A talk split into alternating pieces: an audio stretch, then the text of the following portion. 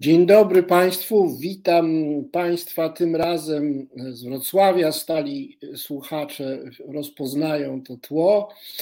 Jest 24 czerwca 2022 roku, a więc e, jesteśmy na progu wielkiego lata, w apogeum roku poniekąd. To są najdłuższe dni, pogoda gorąca świat y, niepewny, y, ale pewnie przetrwamy.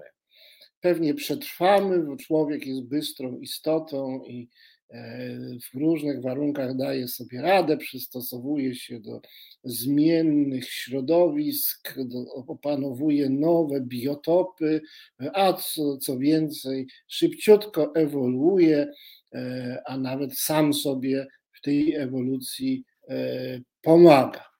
E, mówię o tym mm, nie bez kozery, bo e, zawód e, naszego dzisiejszego gościa wiąże się właśnie z takimi refleksjami. Ale zanim go przedstawię, przypomnę, że jesteśmy w radiu Reset Obywatelski, które mm, jest częścią projektu medialnego o tej nazwie.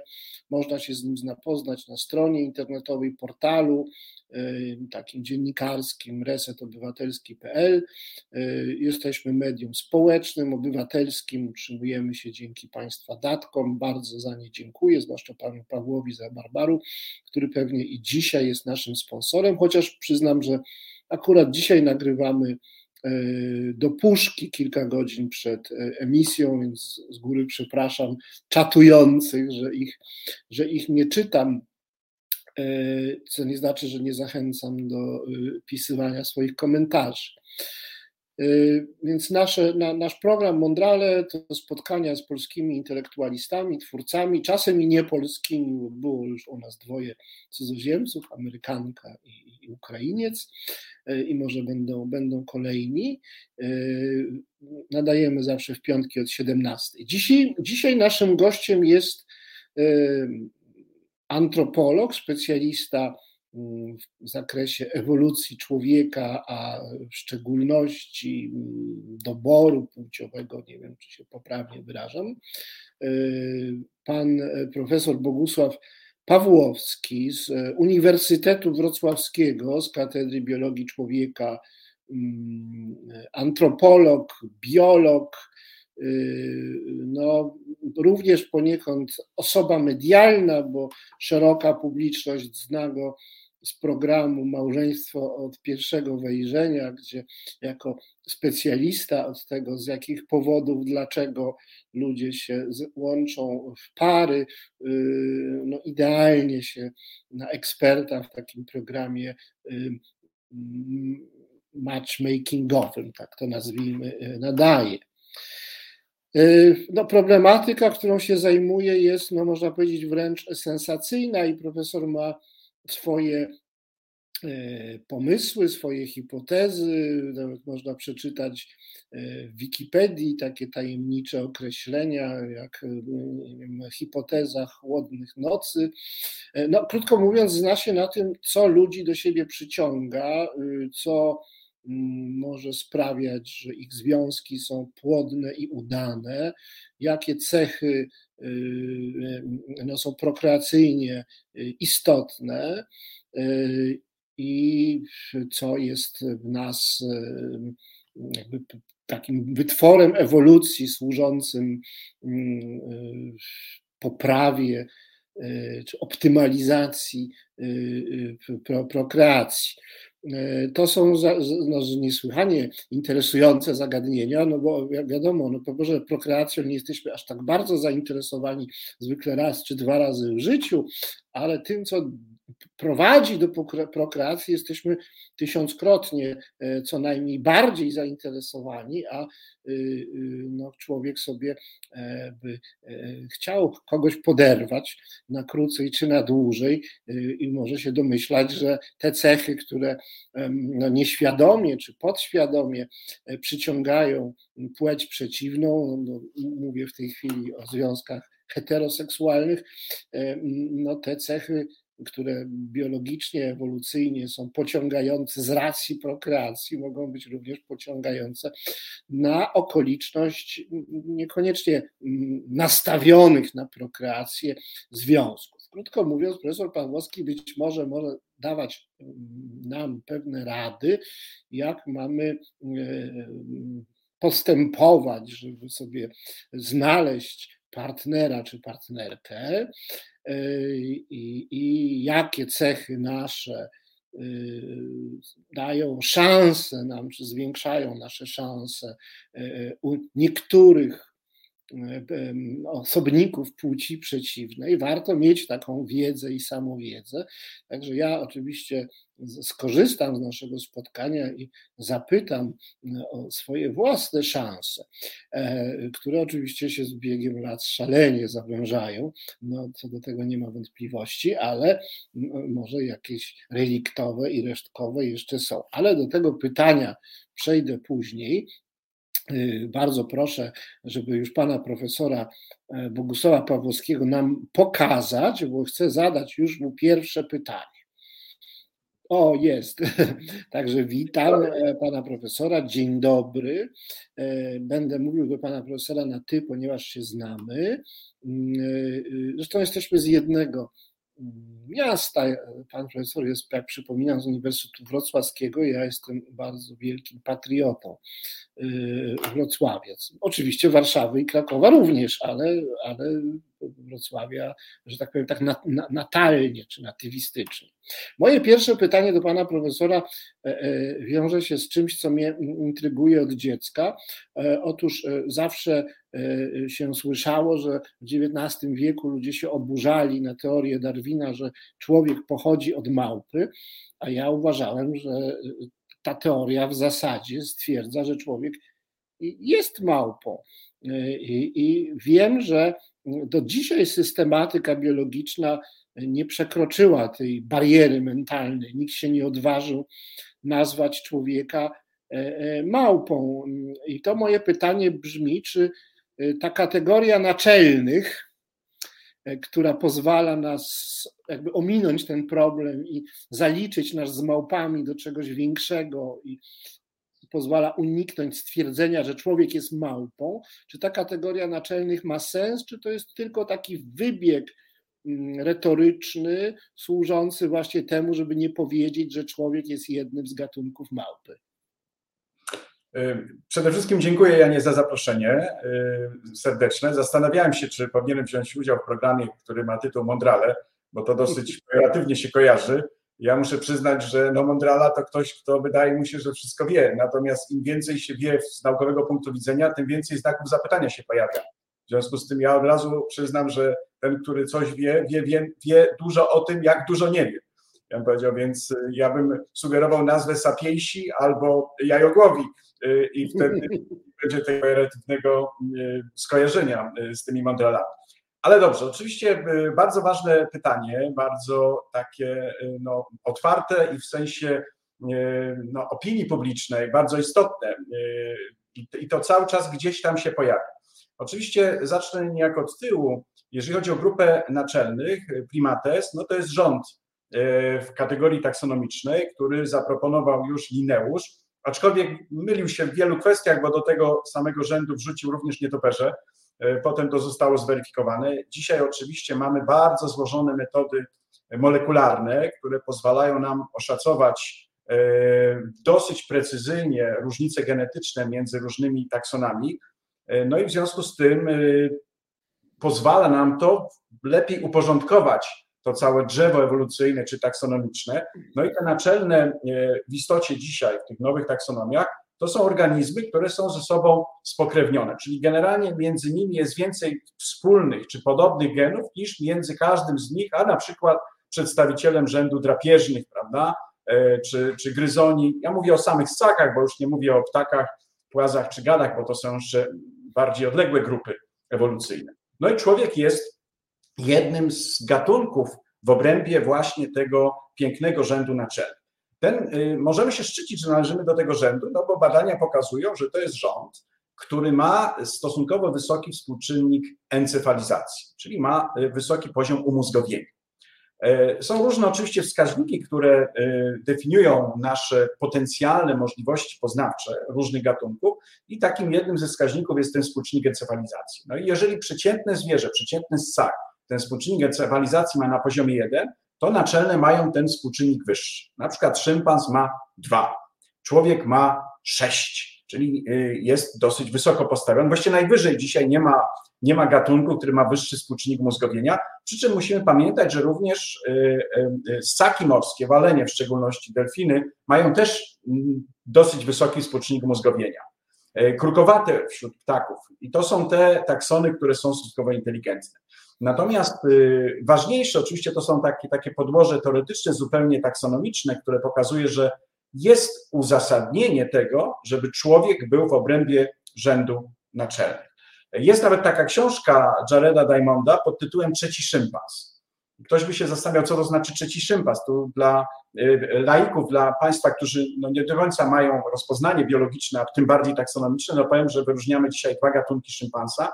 Szympans zwyczajny, pan troglodytes i szympans e, karłowaty, pan paniskus. No to kto to jest ten trzeci szympans, prawda? No i ten trzeci szympans to ma być homo sapiens, czyli możliwe, że moglibyśmy się nazwać pan sapiens, bo pan to po łacinie nazwa rodzajowa szympansa.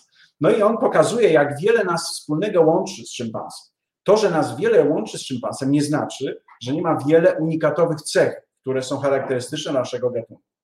Tylko jak, jak to pięknie zatytułował w swojej książce znany antropolog biologiczny Robert Foley, książka jest pod tytułem Another Unique Species, czyli no, w wolnym tłumaczeniu jeszcze jeden unikalny czy unikatowy gatunek. No i my jesteśmy unikatowym gatunkiem, ale jest wiele innych unikatowych gatunków, tylko unikatowe, to znaczy mający cechy, które nie mają inne gatunki. Te nasze cechy, one są bardzo, bardzo wyjątkowe oczywiście, i one przyczyniły się do tego, że osiągnęliśmy, przynajmniej na tym etapie, na którym teraz jesteśmy, osiągnęliśmy taki sukces ewolucyjny, że jest nas bardzo dużo. I że zamieszkujemy, jak to we wstępie powiedziałeś, właściwie wszystkie, e, jesteśmy kosmopolitycznym, można powiedzieć, gatunkiem, bo zamieszkujemy właściwie wszystkie regiony. No może poza tymi kołami e, e, podbiegunowymi czy biegunowymi, gdzie też oczywiście są stacje polarników i gdzie może dojść do tego, że będziemy mogli, moglibyśmy oczywiście też funkcjonować tak jak Inuici. No też powiem, w przeszłości ta nazwa, którą oni nie akceptują, to byli Eskimosi, to znaczyło zjadacze surowego mięsa, więc dzisiaj powinniśmy się trzymać e, tej terminologii współczesnej, która no nie jest w jakiś sposób dyskredytująca daną grupę etniczną. Także niewątpliwie tak jest, jesteśmy w tej grupie. To, czy można nazwać, nazwać małpami, no to ja bym powiedział tak, no to jeżeli mówimy y, y, o małpie jako całym, całej grupie zwierząt, no w obrębie małp mamy małpy człekokształtne, mamy małpy zwierzokształtne, no my należymy do grupy małp człekokształtnych, proszę zwrócić uwagę, małpy człekokształtne, jak to dumnie brzmi. I do tych małp należy goryl, szympans, orangutan, prawda? również gibbon. Więc one są, to są nam najbliżsi dzisiaj krewni żyjący. Myśmy mieli wielu krewnych wcześniej innych, nawet bliższych nam, genetycznie, ale ich dzisiaj nie ma, nie przeżyli, nie przetrwali z różnych powodów. W związku z tym yy, generalnie jest tak, pewien taki, mm, taki lęk przed akceptacją tego stwierdzenia, że człowiek pochodzi od małpy. Ale oczywiście, jeżeli my i szympans mamy wspólnego przodka, my i goryl jeszcze wcześniej mamy wspólnego przodka, no to ten wspólny przodek goryla i szympansa i człowieka nie mógł być człowiekiem. Prawda? Był jakimś innym gatunkiem, należących do naczelnych, ale skoro on dał nam, był tym pniem rodowodowym dla tych wszystkich gatunków, no to niewątpliwie należał do rzędu naczelnych i był małpą. Czyli formalnie rzecz biorąc, my, gdybyśmy się pozbyli antropocentryzmu, który jest absolutnie nadmierny i który właściwie może nas doprowadzić do katastrofy ekologicznej, katastrofy tej planety z punktu widzenia człowieka, no bo planeta sobie poradzi. Za parę milionów lat odnowi się biosfera, nawet jeżeli my ją, tą planetę zniszczymy poprzez, nie wiem, y, wojny y, nuklearne, to ona się y, jakoś tam odrodzi, ale już możliwe, że bez nas. Ty powiedziałeś na początku, Janie, że człowiek jest tak błyskotliwym zwierzęciem, że jakoś tam przetrwa.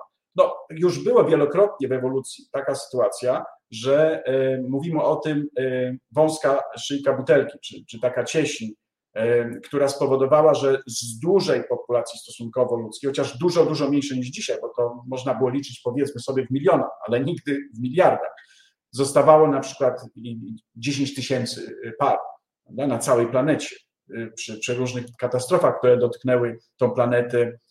No jedną z nich to był wybuch wulkanu Toba około 72-73 tysiące lat temu, który spowodował straszno, straszne zmiany na tej planecie, znaczy straszne faunie ssaków, a w tym ludzkiej. Więc możliwe, że taka sytuacja w przyszłości nastąpi, jeżeli my nie zmądrzejemy.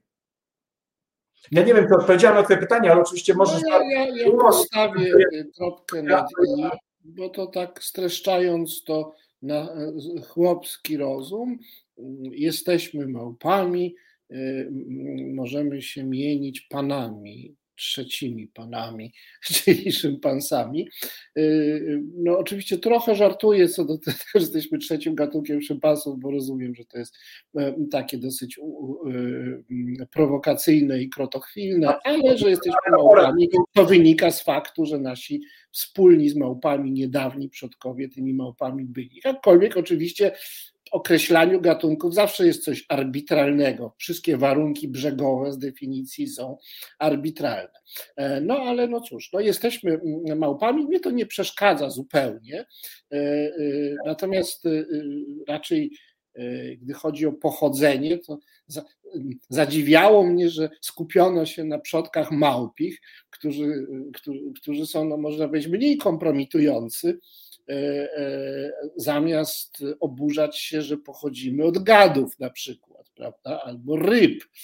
W rozwoju zarodka przechodzimy takie stadia mm, wskazujące na, na e, właśnie takie, takie pochodzenie bo zarodki są malutkie, podobne przez chwilę do, do, do skrzelodycznych istot, czyli ryb, a potem zaczynają przypominać jakieś płazy czy gady. To wszystko jest zupełnie fascynujące i rzeczywiście dowodzi, że jesteśmy e, taką jedną pulpą, magmą biologiczną, e, no, podzieloną, pokawałkowaną na osobniki, ale tak naprawdę to jest taki strumień biosu, y, strumień mm, genetyczny y, y, i, fizyczny, taki, taki, taki, taki płaszcz biologiczny, w którym każdy z nas jest mm, zanurzony i tylko przez chwilę tam przez chwilę się ujawnia jako odrębny organizm, a potem się rozpada na materię, biologi- materię organiczną, która jest pożywką dla następnych organizmów i tak to się wszystko toczy i cała ta metafizyka biologiczna jest bardzo taka kojąca, no bo w nas żyją poprzednie pokolenia i wszelkie stworzenia wcześniej tu żyjące i jak umrzemy, to nie wszyscy tak umrzemy, bo, bo nasze ciała pozostaną, ale także jakiś tam ślad naszego wkładu w życie symboliczne też pozostanie w takiej właśnie tej wielkiej magmie symbolicznej, która się unosi jak miazmat nad tym, nad tym biosem, nad tą substancją biologiczną. Wszystko to jest bardzo piękne. E, ale moje pytanie właśnie odnośnie do tej metafizyki biologicznej, metafizyki życia, która no, podbudowuje i nadaje sens naukom biologicznym i antropologii. Moje pytanie e, dotyczy generalnego sposobu widzenia człowieka. Czy jeżeli badacie człowieka w wymiarach ewolucyjnych, badacie w kategoriach jednak darwinowskich, no jakiegoś szeroko rozumianego doboru naturalnego, walki takiej międzygatunkowej, osobniczej, selekcji, e, e, walki o byt, no to są takie, ja rozumiem, że dzisiejsze ewoluty tych XIX-wiecznych kategorii są o wiele bardziej subtelne i mniej takie no, jak to powiedzieć, właśnie antropologizowane czy, e, e, czy, czy, czy kojarzące się z potocznymi pojęciami. No ale generalnie no wiemy o co chodzi. Jedni przetrwają, się dostosują, inni nie. Ktoś przekaże geny, ktoś nie przekaże. Ewolucja ma swoje prawidłowości, ukierunkowania. E, czy ten cały ewolucjonistyczny czy ewolucyjny punkt widzenia, sprawia, że e, no, państwo, antropologowie, ewolucjoniści, ekolodzy, czy tak, tak, to specjaliści od, tych, od tej problematyki człowieka w tym biotopie, człowieka widzianego biologicznie, ewolucyjnie, czy macie taki pobłażliwie usprawiedliwiający i protekcjonalny stosunek do człowieka? Widzicie w nim po prostu stworzenie, które sobie radzi, czy też mm, no jest tam miejsce na taką mm, jakby koncepcję moralną, e, w której e, no, poza tym, że zachowania człowieka, jednostki i grupy można wyjaśniać biologicznie i ewolucyjnie, no jest jeszcze coś ponad to, co podlega moralnej ocenie.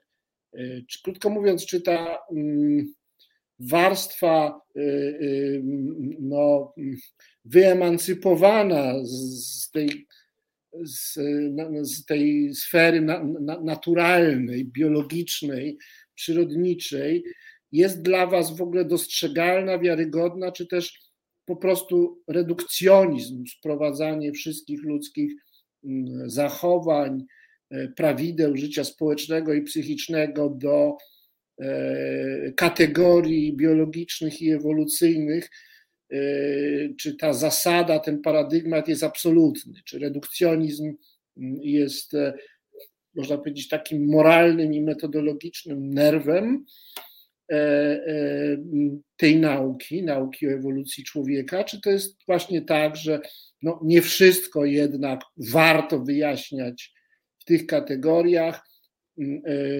trzeba docenić, uznać pewną autonomię samoistność innych motywacji, innej sfery e, ludzkich zachowań, powiedzmy sfery kulturowo-moralnej. Zacznę od tego, że widzisz, posłużyłeś się pewnym stereotypem XIX-wiecznym, podejściem e, angielskim, właściwie huxleyowskim do tego, jak wygląda ewolucja. Dzisiaj zupełnie inaczej się na to patrzy. To nie jest, e, to nie jest walka o przetrwanie przy pomocy kłów, zębów i, i, i narzędzi dzisiaj ludzkich. E, zapomina się o tej drugiej sferze, e, to taka powiedzmy jeszcze rosyjskie podejście kropotkinowskie, że, że bardzo ważne w ewolucji są, e, jest kooperacja, jest współpraca i, i nie bez powodu mamy wiele gatunków społecznych, u których właśnie te elementy wybijają się może na, na plan pierwszy w stosunku do tego, co postrzega się, niektórzy postrzegają przez darwinizm taki powiedzmy drapieżny. To jest absolutnie dzisiaj nieakceptowalny punkt widzenia, bym powiedział. Więc zacznę od tego, że widzisz sam, mówisz o czymś, co właściwie w przestrzeni publicznej jest, y, jest dosyć powszechnym mniemaniem o procesach ewolucyjnych, a jest błędne.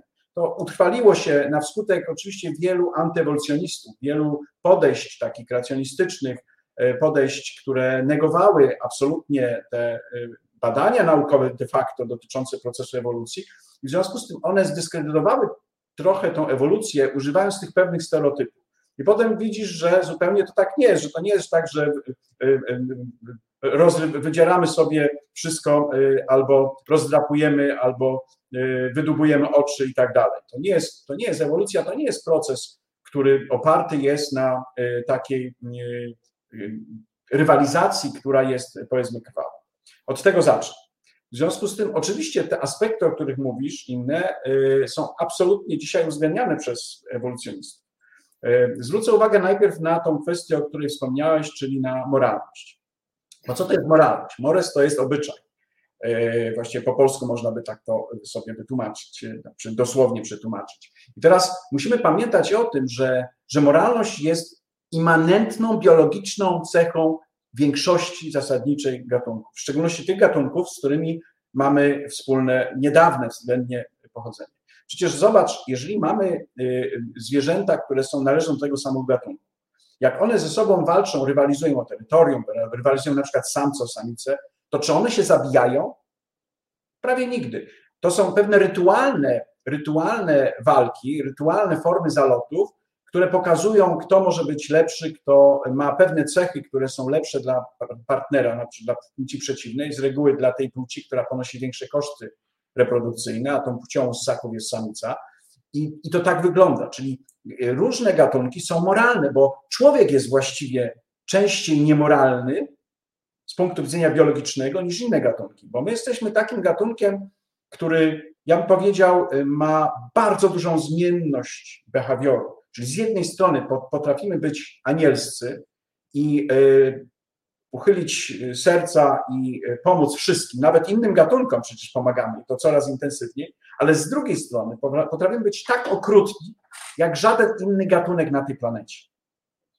Bo wiemy, co ludzie, ludzie potrafią robić ludziom. Ja już abstrahuję od tego, co robią innym zwierzętom, chociażby w rzeźniach i tak dalej. Natomiast to, co robią innym ludziom, to jest przerażające. Zresztą mamy teraz doniesienia z, z wojny, y, którą mamy y, blisko naszych granic, za granicami, y, ale wiemy, co na przykład Japończycy robili żołnierzom amerykańskim.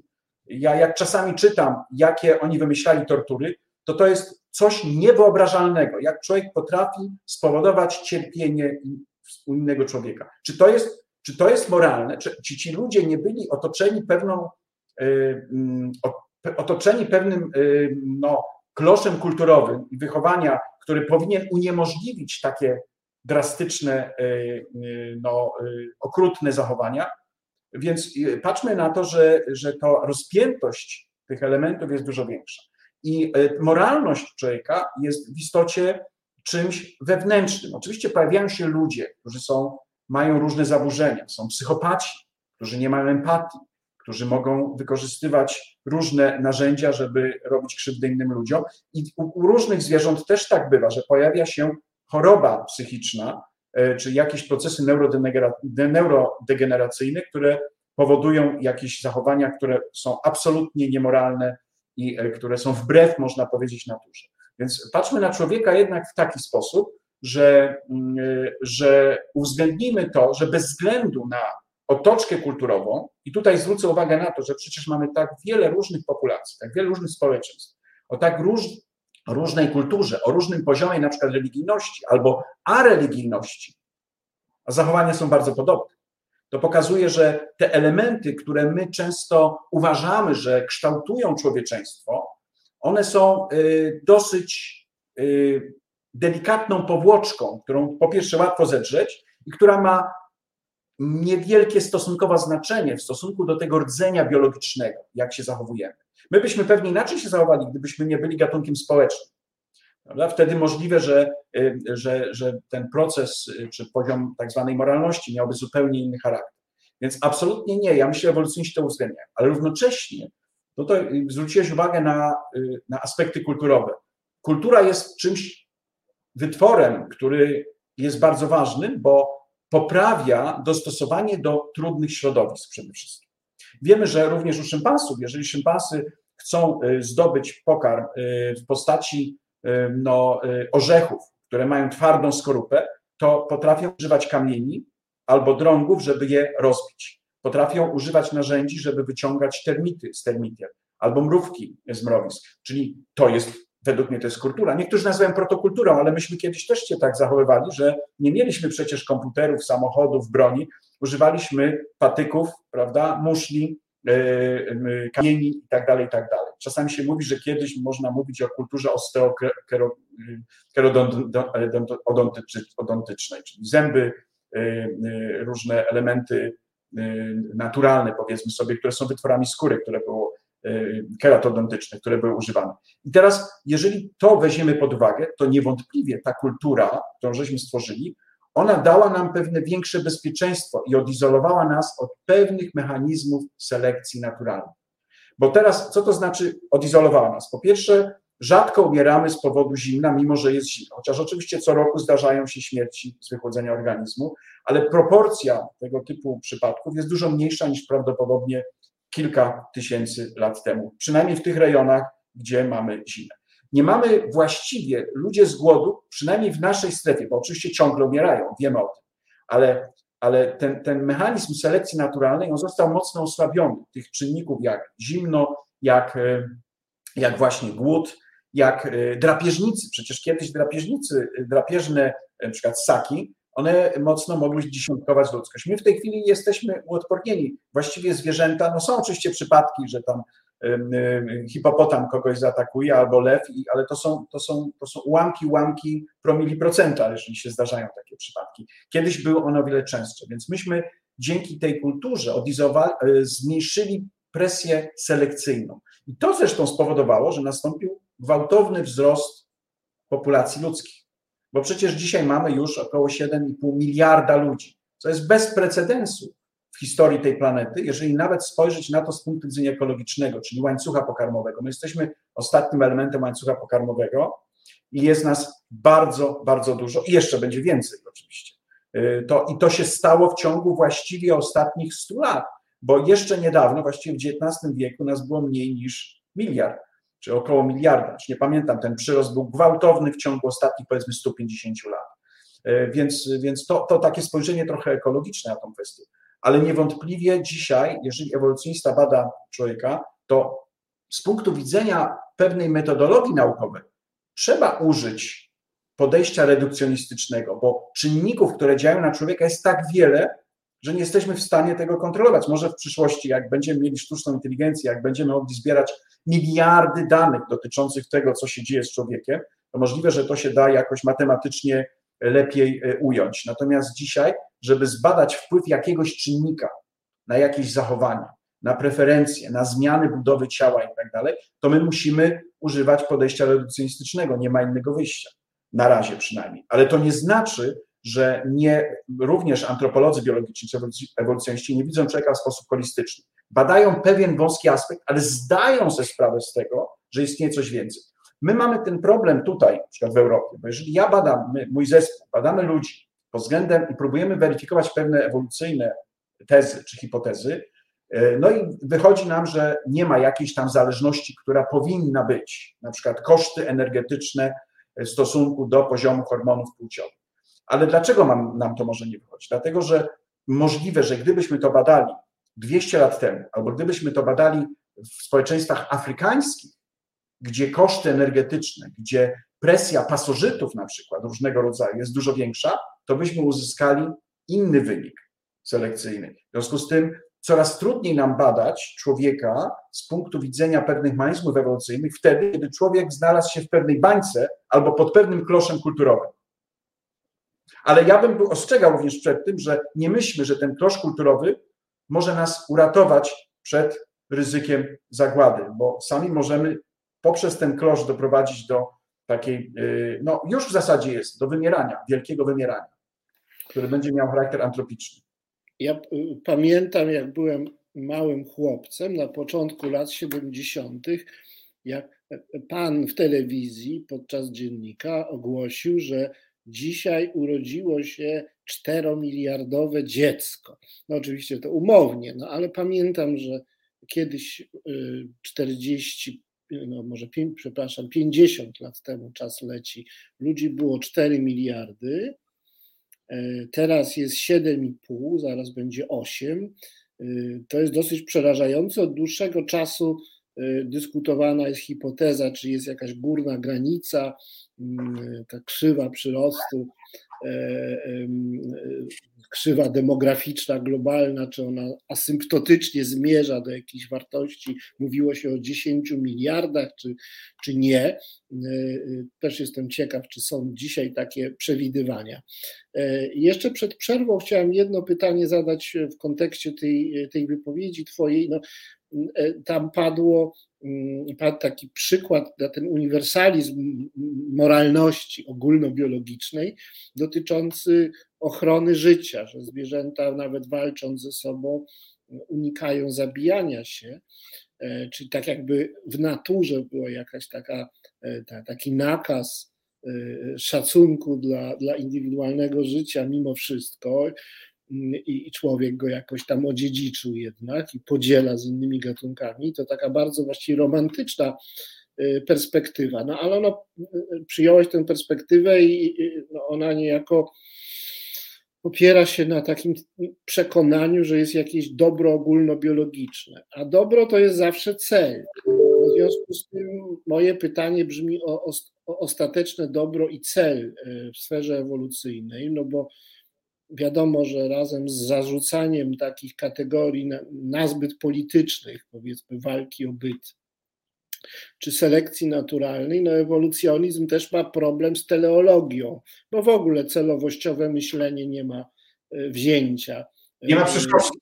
No właśnie, no więc już się nie mówi, że ewolucja tam do czegoś konkretnie zmierza, No ale tak czy inaczej się toczy, no i są jakieś kolejne etapy. No więc e, jednak nie można uniknąć pytania, no nie tyle teleologicznego, co pytania o y, jakieś kierunki. To tak. Znaczy, do, do, do, ku czemu to idzie? To znaczy, co preferuje ewolucja? Czy to jest po prostu tak, że chodzi o to, że każdy gatunek chce się możliwie najbardziej umocnić, upowszechnić, zabezpieczyć swój byt? Czy to bardziej jest jakieś takie właśnie indywidualistyczne, że każdy osobnik, czy każdy genom chce przetrwać? Była taka książka, właśnie jakiś samolubny gen. Y, y, znaczy, gdzie jest ten napęd e, e, i, i, i gdzie jest miejsce tego, jakby gdzie, gdzie się rodzi generalne ukierunkowanie? Już nie chcę mówić teleologia, czyli celowość ewolucji, ale no, coś nadaje kierunek. I co jest tym, co nadaje kierunek? Znaczy, ja zacznę od tego, że widzisz, znowu mamy pewien problem, który jest y, efektem niezrozumienia, co to jest ewolucja. Dlatego użyłeś ewolucji, co ona robi, co ona chce i tak dalej. Traktujesz ją jako swoisty podmiot. Ewolucja to nie jest podmiot, to jest tylko proces i są pewne mechanizmy, które my badamy. Ja muszę przyznać, że y, słyszałem kiedyś takiego świetnego referatu na naszej konferencji Polskiego Towarzystwa Nauk o Człowieku i Ewolucji, którego jestem jednym z współzałożycieli. To jest chyba jedyne takie towarzystwo ewolucyjne w środkowo-wschodniej Europie, y, gdzie anglistka opowiadała, jak bardzo Darwin się głęboko zastanawiał, jak uniknąć upodmiotowienia ewolucji. I okazało się, że z punktu widzenia języka angielskiego to jest niemożliwe. Mimo, że bardzo tego chciał. W związku z tym y, to jest pewien element, który rzutuje na to, jak postrzegane jest, jak zrozumiała jest ewolucja. Ja kiedyś, ja nawet zadam jej pytanie, gdyby to Polak czy Czech y, wymyślił y, i był Darwinem, powiedzmy sobie, przysłowiowym, czyli gdyby on wymyślił ten mechanizm ewolucyjny, czy mielibyśmy dzisiaj taki problem, że na konferencje ewolucyjne przychodzi powiedzmy sobie 50 osób, a, a, a może by przychodziło 500 albo 1000? Y, ja muszę przyznać, że mamy czasami problem z popularyzatami nauki. Jednym z takich bardzo znanych jest, jak wiesz, Richard Dawkins, który właśnie niejako na siłę, zdając chyba z tego sprawę, upodmiatawia ewolucję. A to nie jest żaden podmiot. Czyli ewolucja niczego od nikogo nie oczekuje, nie ma żadnego kierunku, y, nie stara się y, nic zrobić. Ewolucja to jest proces, który my opisujemy niejako post factum. I teraz to jest tak, jeżeli pytasz o cel, no to w przypadku człowieka, tak jak w przypadku wszystkich innych gatunków na tej planecie, jest, cel jest jakby, można powiedzieć, bardziej indywidualistyczny, ale oczywiście w konstruktach społecznych to jest wspomaganie się, żeby zwiększyć też możliwość, e, szansę przetrwania y, genów, które nas y, konstruują, czyli to jest zarówno źródło informacji, to jest źródło, e, e, źródło regulacji funkcjonowania organizmu. Prawda? Czyli organizmy wszystkie na przykład nie wiedzą, po co one robią różne rzeczy. Ale tylko te przetrwały, które robiły takie rzeczy, które pozwoliły im przekazać swoje, przeżyć po pierwsze i przekazać swoje geny. Czyli na to trzeba w ten sposób spojrzeć. I teraz, jeżeli ma, mówimy o tych organizmach, które no, nie zabijają się, no to oczywiście dzisiaj mamy różne możliwości podejścia, na przykład matematycznego, teorie gier, które pokazują, jaki typ zachowań jest w stanie przetrwać w jakim środowisku. Dzisiaj badania wskazują na przykład jedną z takich strategii, która jest najtrwalsza, jest strategia tit for tat, czyli e, ząb za ząb, oko za oko, powiedzmy sobie, przy czym zaczyna się od e, przysługa za przysługę raczej.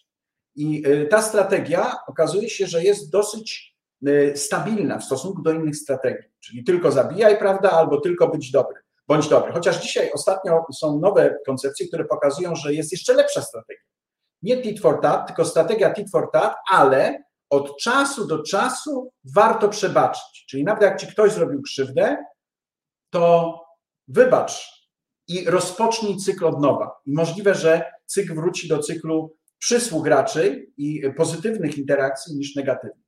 I teraz, jeżeli na to tak patrzymy, no to oczywiście nie jest tak, jak myślano jeszcze w połowie XX e, e, wieku nawet, bo była koncepcja tak zwanego doboru grupowego. Nie jest tak, że my coś robimy dla gatunku. Zwróć uwagę, że jak uczyłaś się pewnie w szkole podstawowej, to możliwe, że w podręcznikach była taka informacja, że rozmnażanie jest dla dobra gatunku, że coś robimy dla dobra gatunku, żeby gatunek przetrwał.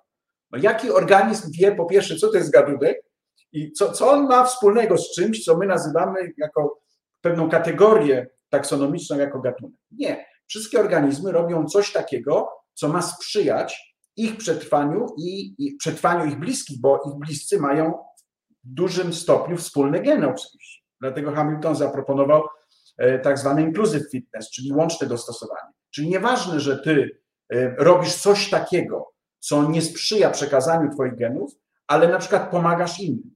Najnowsza, najnowsza praca, między innymi Ruth Mace z Wielkiej Brytanii, pokazuje, że celibat w kręgu Tybetu, jeżeli chodzi o buddystów, jest pozytywnym aspektem, aspektem ewolucyjnym, ale kiedy? Wtedy, kiedy rodzice wysyłają syna, na przykład najmłodszego, do klasztoru. Okazało się, że te rodziny, których e, jeden syn jest w klasztorze, mają większy sukces reprodukcyjny. Ich bracia mają więcej dzieci i są bardziej zamożni. E, więc, e, więc to, to pokazuje, że my czasami nie widzimy, mamy pewne klapki, nie widzimy, dlaczego pewne zachowania, wręcz kulturowe, są premiowane. No bo wyobraź sobie, że jest taka propozycja, jak to było na przykład u E, u, u, u niektórych sekt, e, które mówiły nie, seks jest niedobry. Czy te sekty przetrwały? Nie rozmnażały się, zmniejszył się ilość, zmniejszyła się ilość napływu nowych członków i one jak kopcy rosyjscy. I oni, oni nie przetrwali, prawda? Jak quakersi amerykańscy.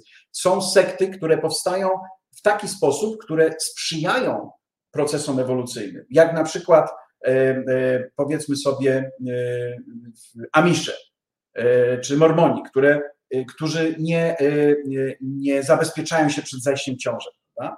Przy czym oczywiście jak patrzymy na proces ewolucyjny, to musimy patrzeć na dwie kwestie. Jest zróżnicowana śmiertelność, jest zróżnicowana płodność. Dzisiaj wykluczyliśmy śmiertelność jako główny czynnik selekcyjny, bo zasadnicza większość, 99-90% noworodków przeżywa. Mówię cały czas o naszej kulturze, o społeczeństwach y, zachodnich. No to co będzie różnicować i co zaczyna różnicować ludzi w kontekście tego, jakie geny będą w następnych generacjach? No płodność. Płodność. Więc w tym sensie y, zwracam Ci uwagę na to, że, że y, po pierwsze, żeby nie traktować ewolucji jako podmiotu, jako proces, i ewolucja nie ma żadnego celu. Nie ma żadnego celu. To jest, ja bym powiedział, jak korek którym rzucają fale na morzu w różnym kierunku.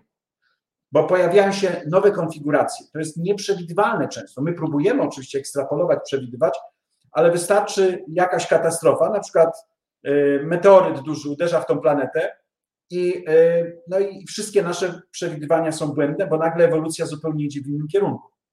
Więc to jest ciągle trudne do określenia. No ale zawsze jednak to chodzi generalnie, jak zrozumiałem, o te geny.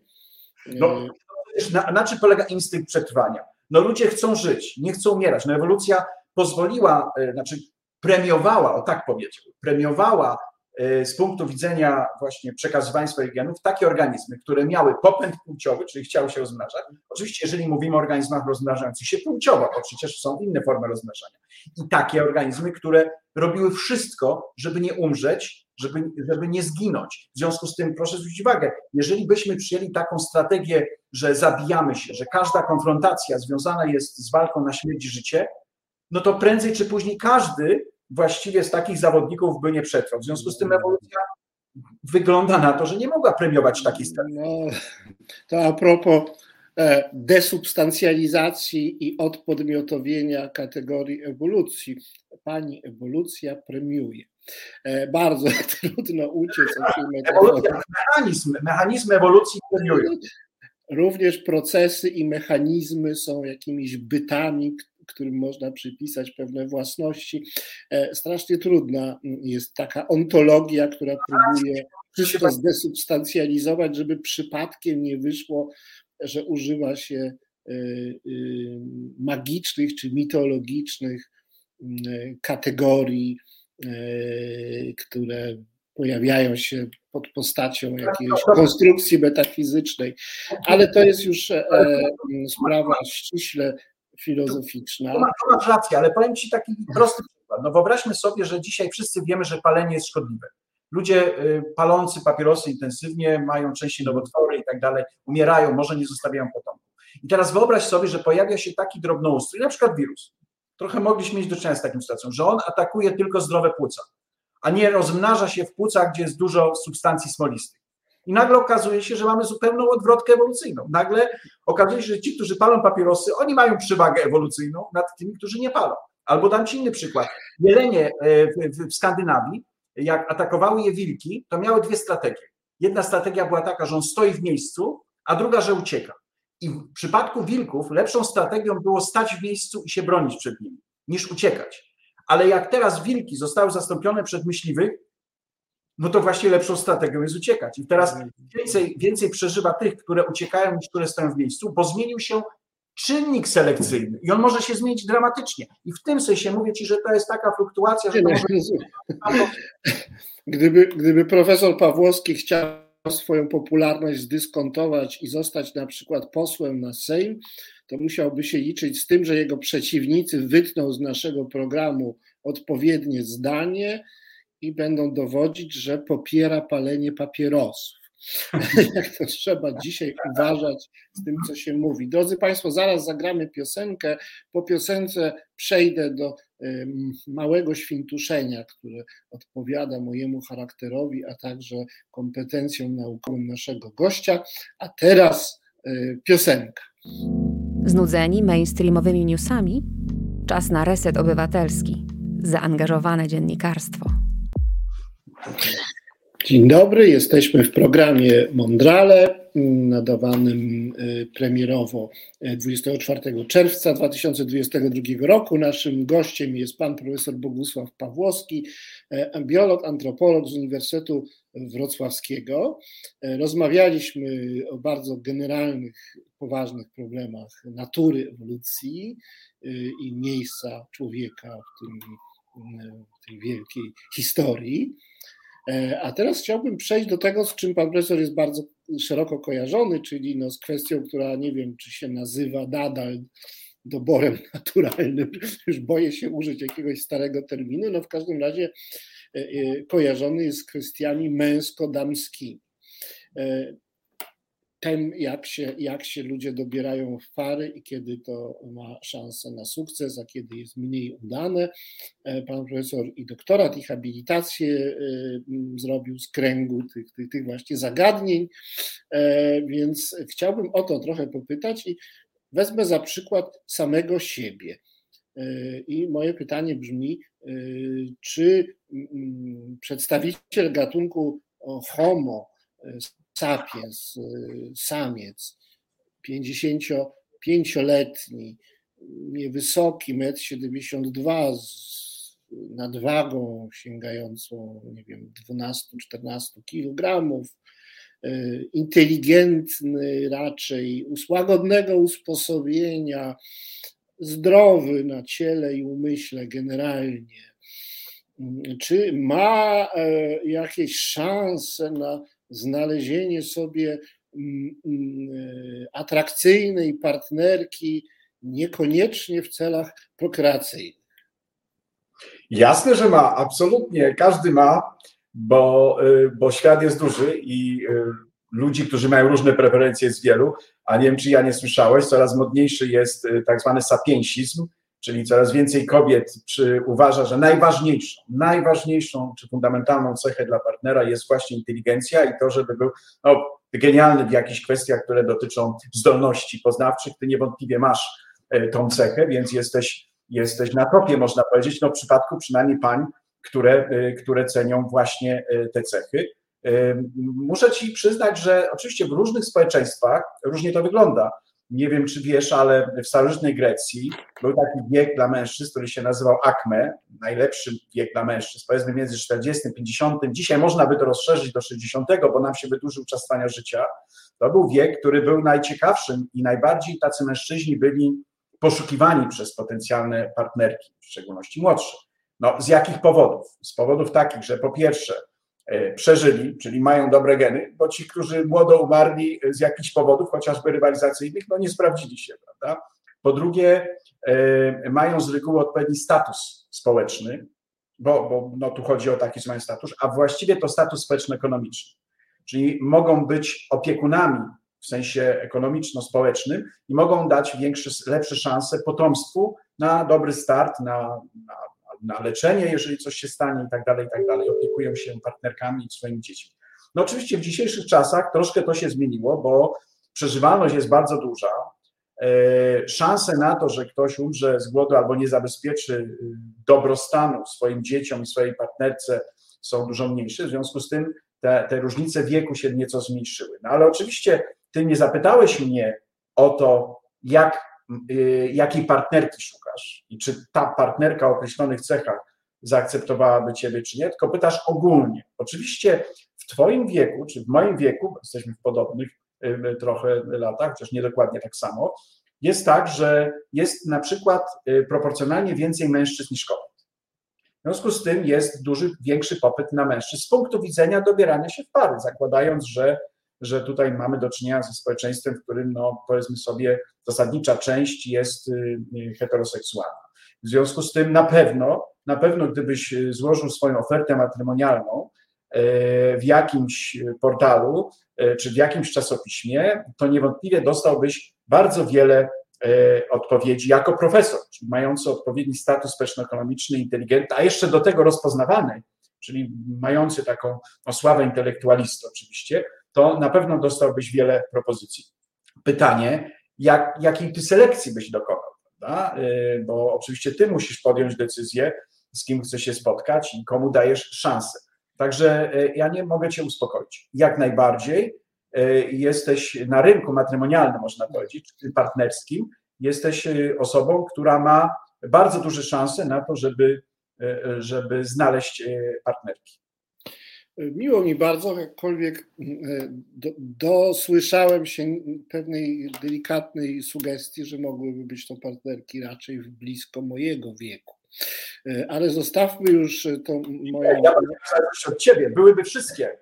Rozpiętość byłaby pewnie od 18 do, no, w górę. Nie, o, o, za 18 dziękuję, nawet za 28, ale zejdźmy, zejdźmy ze mnie. Chciałbym e, troszkę już poważniej zapytać o to, czy to, co w doborze partnerskim, nazwijmy to w ten sposób, służy szczęściu osób, służy też społeczeństwu czy gatunkowi. To znaczy, czy nasze preferencje, które są uwarunkowane biologicznie, które nie bardzo od nas zależą, yy, które działają w sposób nieświadomy, czy one są szczęściorodne, czy, czy więc krótko mówiąc, czy należy jakby podporządkować się instynktowi, no po prostu podoba mi się ta osoba, nie patrzę ile ma pieniędzy, jaki ma status, tylko czuję pociąg do tej osoby, czy też właśnie nie należy się dać uwodzić e, no,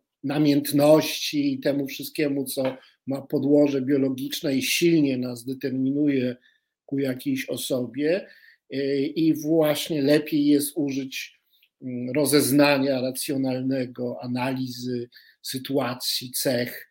E, krótko mówiąc, czy kierować się raczej Mm, sercem, tak biologicznie rozumianym, czy, czy rozumem w tym, w tym doborze, czy, czy e, preferencje te głębsze, biologiczne mm, sprzyjają temu, co postrzegamy jako szczęśliwe życie, czy po prostu sprzyjają e, naszym genom, z którymi się tak bardzo przecież nie identyfikujemy na poziomie osobowym, e, sprzyjają gatunkowi, więc, więc serce czy rozum? Więc ja jako biolog po pierwsze powiem, że najbardziej biolodzy cenią różnorodność. W związku z tym akceptujemy i to jest naturalne, że mamy dużą zmienność. I jak wiesz, są osoby, które będą zwracać na jedną e, kwestię e, uwagę, jeżeli chodzi o dobór partnera. Są takie, które będą kierować się bardziej pewnymi przesłankami racjonalnymi. Inne będą się kierować bardziej E, chemią, jak to nazywamy, chociaż miłość ciągle jest wielką zagadką. To jest takie misterium, które nie jest do końca rozwiązane, aczkolwiek no, gdyby było taką kompletną zagadką, to pewnie bym nie zajmował się tym problemem, bo czy próbuję go zgłębić, prawda, w różnych, w różnych badaniach. Więc wiemy na przykład, że ludzie bardziej szczęśliwe czy dłużej trwające związki związane są z przyciąganiem się podobnego do podobnego. Czyli mamy coś takiego jak E, dobór, e, e, dobór dodatni, czyli assortative mating, czyli polega on na tym, że ludzie, którzy mają pewne podobne cechy, gwarantują bardziej trwały związek niż ludzie, którzy bardzo różnią się pod względem różnych cech. Przy czym ja oczywiście jako biolog, ja częściej zwracam i badam cechy, które są związane z morfologią, aczkolwiek też analizujemy czasami aspekty węchowe e, czy, czy dźwiękowe, no bo przecież kobietom również e, podobają się różne głosy męskie, zresztą mężczyznom też. E, tylko pytanie, do jakiego stopnia ten typ bodźca jest bardzo istotny dla każdej płci. Więc absolutnie odpowiem tak, nie ma żadnej recepty. Ludzie są różni i biorą pod uwagę bardzo różne przesłanki czy różne cechy, na podstawie których szukają partnera. Oczywiście współczesny Zachód, bo zwróćmy uwagę, że tutaj jest taka apoteoza tej, e, tej chemii, apoteoza namiętności, apoteoza czegoś, co jest związane, że ktoś e, został trafiony przez Amora szczałą, prawda? My nie wiemy, co to jest ta szczała, ale został trafiony i to musi być coś, co co nie ma nic wspólnego z jakimikolwiek przesłankami racjonalnymi, co nie ma nic wspólnego ze statusem społeczno-ekonomicznym i tak dalej, i tak dalej. I oczywiście takie przypadki zdarzają się i to nierzadko. Tylko my zadajemy pytanie, no i co się dalej dzieje? Prawda? Czy te przypadki związane są z trwałością, czy to jest tylko poryw namiętności, który trwa kilka miesięcy, może rok, może nieco dłużej, czy też on gwarantuje założenie rodziny i daje owoce w postaci oczywiście potomstwa. Więc to są, to są różne bardzo kwestie.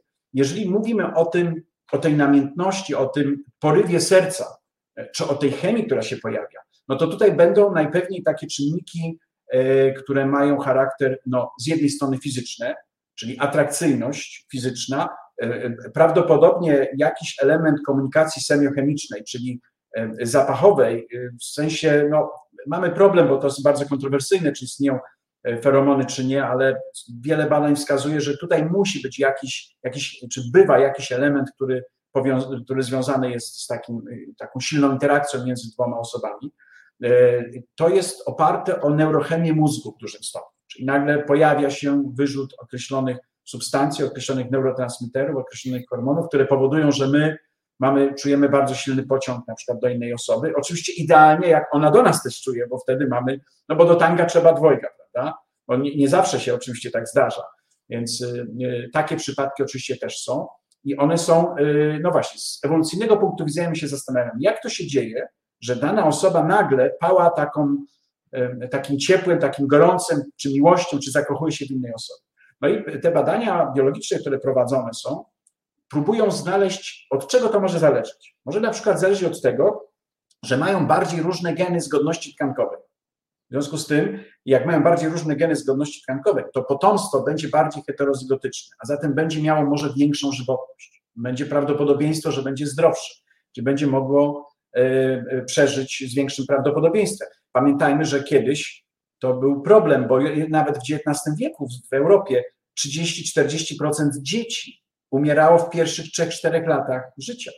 Dzisiaj nie ma, e, oczywiście śmiertelność jest ojej, dużo, dużo, dużo niższa, więc my możemy tego nie widzieć, ale mechanizmy, które, które my badamy, one zostały ukonstytuowane w przeszłości ewolucyjnej.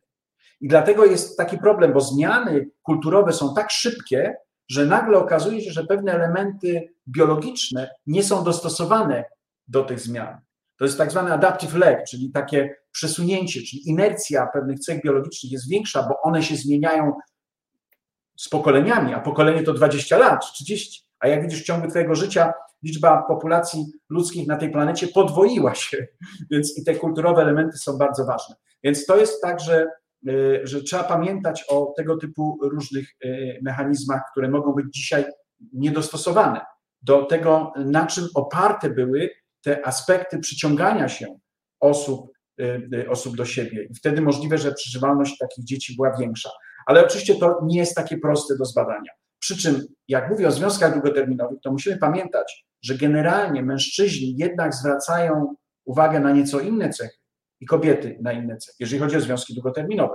Oczywiście mężczyźni w dużo, dużo mniejszym stopniu zwracają uwagę na tą otoczkę społeczno-kulturową y, czy status społeczno-ekonomiczny partnerki. Oczywiście będą tacy, którzy tak robią. Ja cały czas mówię, że to nie, jest, to nie są zbiory rozłączne. Mówimy o tak zwanych centralnych tendencjach. E, centralne tendencje, one są różne, ale rozkład tych zachowań, on na siebie nachodzi oczywiście. Więc u mężczyzn, no to my z reguły badamy takie cechy, które będą wskaźnikami albo przesłankami związanymi z wysokim poziomem reprodukcji partnerki. Czyli na przykład symetria twarzy, symetria ciała, czyli na przykład y, jakość skóry włosów, które sygnalizują młody wiek, a zatem wysoki potencjał reprodukcyjny. Bo pamiętaj, że w przeszłości nikt nie miał dowodu osobistego. Ludzie nie wiedzieli, kiedy dokładnie, ile mają lat. W związku z tym my patrzymy dzisiaj na te cechy. Dzisiaj moglibyśmy na nie nie patrzeć, tylko wziąć dowód osobisty, prawda? Bo możemy się oszukać, bo dzisiaj 40-latka wygląda jak, może wygląda jak 20-latka. Prawda? Więc, więc y, i, i dlatego zresztą proszę zwrócić uwagę, są pewne elementy zachowań, na przykład u płci, dla której ważna jest jakaś cecha, na przykład u kobiet wygląd, które o wiele intensywniej pielęgnują swój wygląd niż mężczyźni.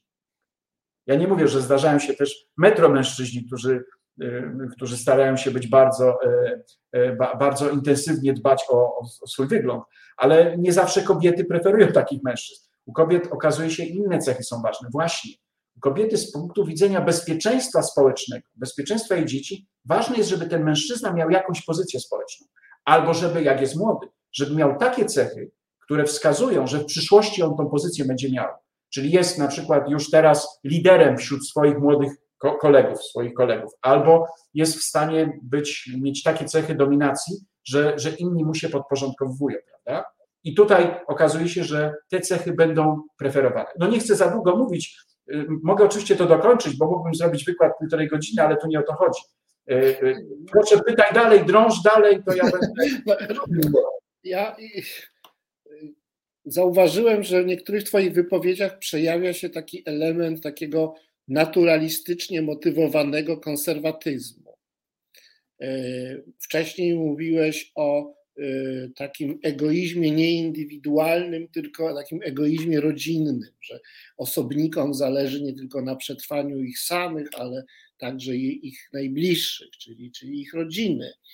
A to by było takie głęboko biologiczne uzasadnienie generalnej idei konserwatywnej, że w rzeczywistości społecznej występujemy nie jako indywidua, tylko jako y, y, te nuklearne, przynajmniej te rodziny, w których dochodzi do do prokreacji. A drugi taki element to y, to, co mówiłeś już dwa razy, że jakimś takim probierzem udanej, udanej relacji jest długość jej trwania. Mówisz o długotrwałym związku. No rozumiem takim, którym można wychować dziecko od początku do końca, ale może nawet jeszcze dłuższym. Y, no i stąd takie moje pytanie, czy, czy rzeczywiście ewolucjonizm czy ewolucyjna teoria człowieka y, jest pewnego rodzaju uzasadnieniem dla takiego fundamentalnego, powiedzmy sobie, biokonserwatyzmu, archeokonserwatyzmu. Czy widzisz jakiś związek między kulturą konserwatywną w świecie ludzkim, e, w świecie symbolicznym, a, a tą konserwatywnością ewolucji, która preferuje długotrwałe związki między ludźmi, która preferuje e, dbałość o rodzinę ponad taki właśnie e, indywidualizm e, waleczny, chimeryczny, który nie, jakby, w którym się liczy jednostka, osobnik, a nie, a nie żadna wspólnota. Znaczy ja powiedział tak, Pantarej, to znaczy wcale nie premiuje. To znaczy dzisiaj może być zupełnie inaczej niż było jeszcze niedawno. Tylko musimy pamiętać, że często nasze umysły, nasze sposoby reagowania czy strategie behawioralne są dostosowane do przyszłości, do tego, jak one działały u naszych pra, pra, pra, pra przodków, bo się sprawdziły, bo się sprawdziły, dlatego, no, dowodem na to, że się sprawdziły jest to, że my tu jesteśmy. Ci, którzy inaczej postępowali, nie mają y, y, te, tego, tego potomstwa w iluś tam następnych pokoleniach. I teraz to nie jest tak, bo zwróć uwagę, że y, jeżeli zmieniły się warunki środowiska, na przykład mamy otoczkę socjalną, która pozwala funkcjonować, na przykład w Szwecji, kobiecie z dwójką czy trójką dzieci i nie musi mieć wsparcia partnera, no to nagle mamy zupełnie inne, inne okoliczności, można powiedzieć, ekologiczne. I nagle selekcja działa inaczej. Jeżeli w przeszłości nie było y, antykoncepcji, skutecznej antykoncepcji, to mężczyzna, który y, miał kontakty seksualne na przykład z pięcioma czy z ośmioma kobietami, mógł zostawić więcej potomstwa, aczkolwiek nie wiadomo, czy wszyscy przeżyli, bo śmiertelność mogła być większa.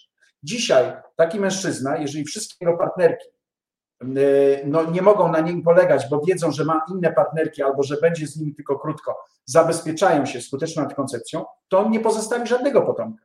I nagle dzisiaj ten mężczyzna, który jest monogamiczny i ma jedną partnerkę i ona może na nim polegać i wie, że on ją kocha, że on jej nie opuści, że będzie jej pomagał, to on będzie miał więcej dzieci. I w związku z tym znowu to się w przyszłości może zmienić, ale my tego nie wiemy.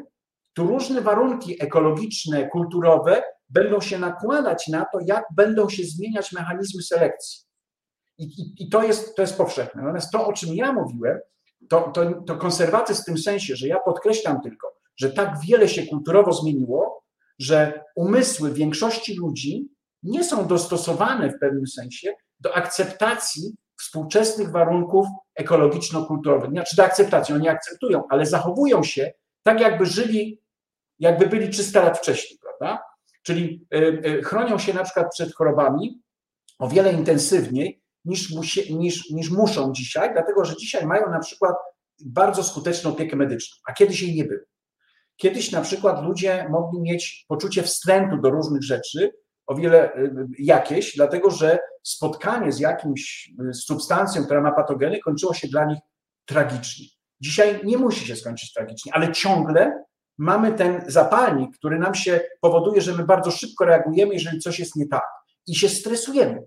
A moglibyśmy się dzisiaj nie stresować tak często, bo przecież nawet jeżeli coś tam się stanie, to, to nie będzie rzutować na nasze przeżycie albo naszą płodność. I moglibyśmy się przynajmniej dziesięciokrotnie mniej stresować na wskutek różnych drobnych bodźców, które gdzieś tam nas powodują w nas niepokój, niż w przeszłości ewolucyjnej, bo przeszłość ewolucyjna była utkana z różnych zagrożeń, które kończyły się makabrycznie, znaczy makabrycznie albo tak nieodwracalnie. No, jeżeli ktoś jedzie do Papuasów w Nowej Gwinei, to taki papułas musi bardzo uważać, bo jeżeli on źle stanie albo spadnie nisko z drzewa i złamie sobie nogę, to on już będzie inwalidą do końca życia.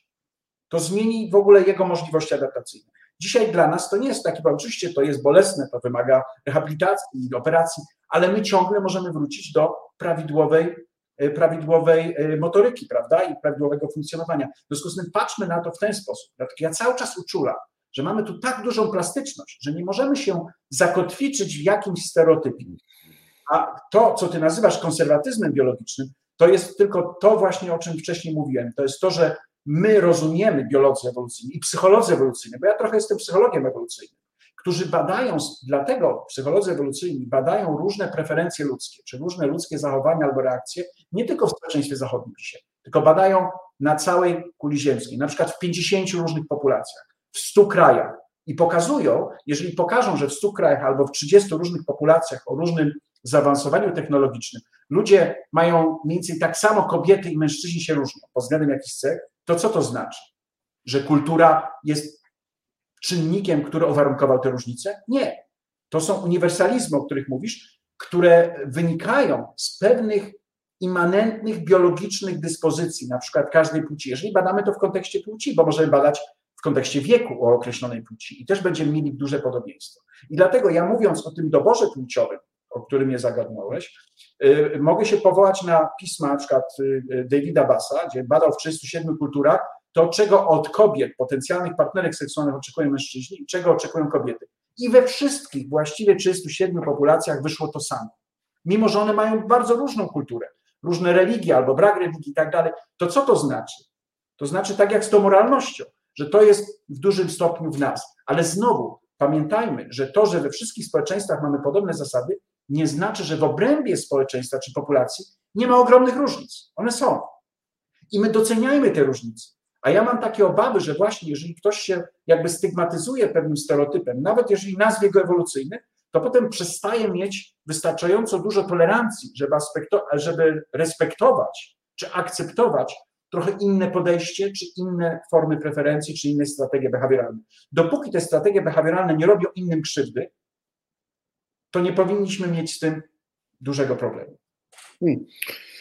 No więc właśnie w związku z, tą, mm, e, z tym uniwersalizmem i z tymi czynnikami transkulturowymi, czy, czy też apriorycznymi w stosunku do wszelkich formacji, zróżnicowań kulturowych, chciałbym już na poprzerwie, bo jeszcze jedną, drugą piosenkę zagramy przed ostatnim fragmentem naszej rozmowy, chciałbym zapytać o seksualność, bo no, wydaje się, że mm, wszystkie te uświadamiane czy nieuświadamiane czynniki związane ze zdrowiem, statusem i tak dalej, no one ostatecznie jakoś muszą się wpasować y, y, no, w bezpośredni pociąg seksualny, który ma swoją dynamikę, no, ten obiekt pożądania musi zostać uwyraźniony, ukonstytuowany i musi się osoba dana jakoś ukierunkować wyobrażeniowo na ten właśnie obiekt, czyli go pożądać. No i wtedy, kiedy człowiek się uzależnia od tej osoby, którą obrał sobie jako przedmiot pożądania, no to się zaczyna jakaś więź. I to moje pytanie jest o potęgę, siłę tego mechanizmu. Na ile to jest tak, że ten mechanizm obsadzania obiektu jako przedmiotu, obiektu pożądania seksualnego w zasadzie determinuje mm, ludzkie zachowania, e, a na ile jednak ludzie potrafią manipulować swoimi pożądaniami i e, tak powiem, od, oddzielać się e, od swoich wcześniej już upodobanych mm, obiektów pożądania, przerywać ten, ten, ten, ten proces no, nakręcających się wraz z doświadczeniami porządliwości i, i jednak jakoś nad tym panować, mhm. zwracać się ku innym osobom.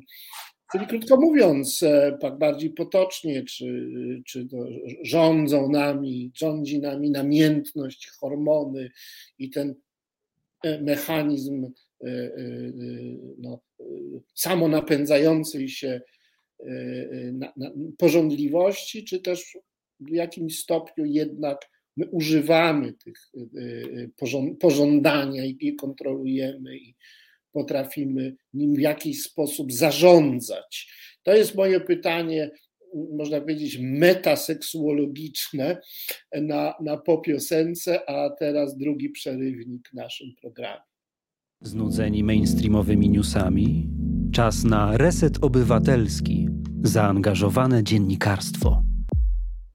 Drodzy Państwo, jesteśmy w trzecim fragmencie rozmowy z panem profesorem Bogusławem Pawłowskim. Muszę powiedzieć, że piosenki, mm, których e, słuchamy w naszym programie, bardzo pasują do tematyki rozmowy, a nawet reklamówka koleżanek prowadzących inny program w resecie obywatelskim, program edukacji seksualnej, też mm, bardzo jest a propos. E, moje pytanie, bowiem przed przerwą, dotyczyło tego, czy no na ile jesteśmy zdeterminowani przez naszym postępowaniu w życiu Y, naszych wyborach, w naszym losie, y, przez y, popęd seksualny i no przez to, jaki nam się przydarzy obiekt naszych seksualnych zapałów, pożądań. Czyli krótko mówiąc, czy panujemy nad swoją seksualnością, czy też ona panuje nad nami. No i znowu odniosę się do różnorodności. To jak w samochodzie. Są osoby, które częściej naciskają pedał gazu, są, które naciskają częściej pedał hamulca i jadą w różnym tempie i różnym stylem. Tak samo jest z miłością. Ja bym powiedział tak, oczywiście trochę to redukcjonistyczne podejście naukowe dotyczące organizmu, nie tylko ludzkiego, ale innych, spowodowało, że my patrzymy na różne elementy jako oddzielne moduły, czyli co innego hormony, co innego mózg, co innego odporność immunologiczna, co innego jelita. Dzisiaj wiemy, że to trzeba holistycznie na to patrzeć, bo okazuje się, że, e, że pewne e, parametry układu immunologicznego wpływają na to, jak funkcjonuje mózg. Prawda? Pewne elementy oczywiście układu endokrynnego również i tak dalej, i tak dalej. Więc ja bym powiedział tak, oczywiście hormony są bardzo ważne, bo one są tą siłą e, niejako napędową, ale po to mamy korę mózgową, w szczególności płat czołowy, który no, działa jak hamulec i który mówi nam, czy mamy sobie pofolgować i narazić się na jakieś ryzyko społeczne, powiedzmy sobie, czy na ostracyzm, czy w przypadku kobiety na ryzyko, powiedzmy sobie, jakichś konsekwencji kontaktów seksualnych, czy biologicznych, czy, czy społecznych. I ta kora w różnym stopniu różnych ludzi funkcjonuje.